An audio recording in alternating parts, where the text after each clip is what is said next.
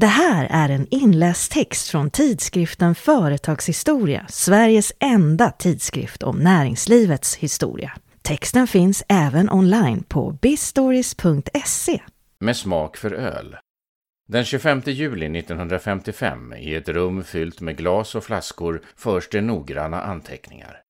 Ljus, fyllig, någon sötma och elegant. Det som beskrivs är smaken på olika sorters starköl som ska börja saluföras av det nybildade Systembolaget. Efter decennier med motbok då ortsbutiker med speciella tillstånd skött försäljning av sprit ska dessa butiker slås samman i oktober 1955 och bilda det nya Systemaktiebolaget. I fortsättningen ska detta nya bolag ha ensamrätt på alkoholförsäljning i Sverige. Brännvinet hade länge varit en laddad fråga och den svenska staten ansåg att ett monopol skulle främja folkhälsan. Ölen hade flödat riket runt och släckt törstiga strupar i århundraden. Svagdrickor, pilsner och övriga maltdrycker bryggdes över hela landet och införskaffades där mat och frukt inhandlades. Om den inte var för stark, det vill säga. För en konsekvens av 1922 års folkomröstning om ett totalt alkoholförbud där nej-sidan knappt segrade blev att starköl endast fick säljas på apotek mot recept. Nu skulle Systembolaget överta denna försäljning utan receptkrav. Genom att propagera för och marknadsföra alkoholsvagare drycker och en förändrad dryckeskultur borde svenskarna supa sig fulla mindre och låta sig väl smaka mer.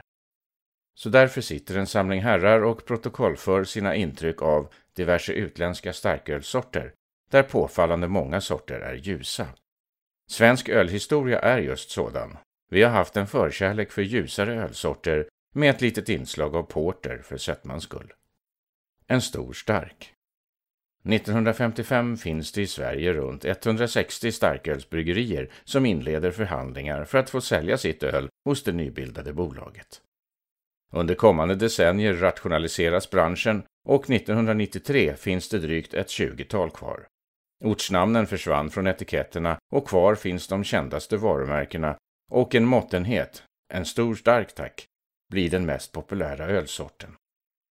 Spolar vi fram i tiden kan vi se att Sveriges inträde i Europeiska unionen inte bara innebar en händelserik tid för Systembolaget, även svenskarnas öldrickande förändrades. Resvanor ändras och i Europas och världens avkrokar påträffas en rik flora av vete, ale, sur och fruktöl. Samtidigt tillåts fler importörer av alkohol att verka på den svenska marknaden. Under 2000-talets inledande decennium dyker det upp många ölentusiaster som långsamt och småskaligt brygger öl efter eget huvud med finurlig namn och formgivning. Hantverket kom åter att stå i fokus. Nanobryggerier, festivaler och ölappar. Idag finns det drygt 300 svenska bryggerier som tillverkar öl. Allt från de stora jättarna till hembryggarna som småskaligt och närproducerat tappar flaskor i lador och garage och sedan säljer till lokala restauranger och serveringar.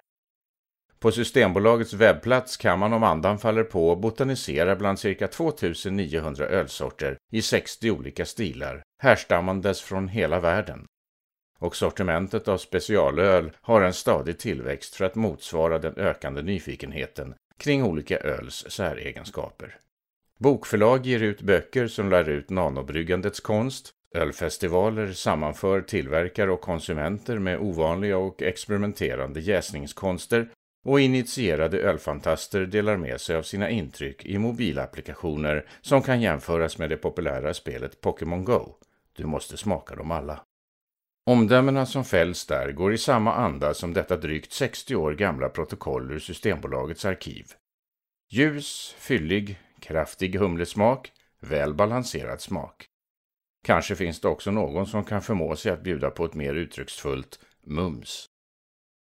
Det här var en inläst text från tidskriften Företagshistoria, Sveriges enda tidskrift om näringslivets historia. Texten finns även online på bistories.se.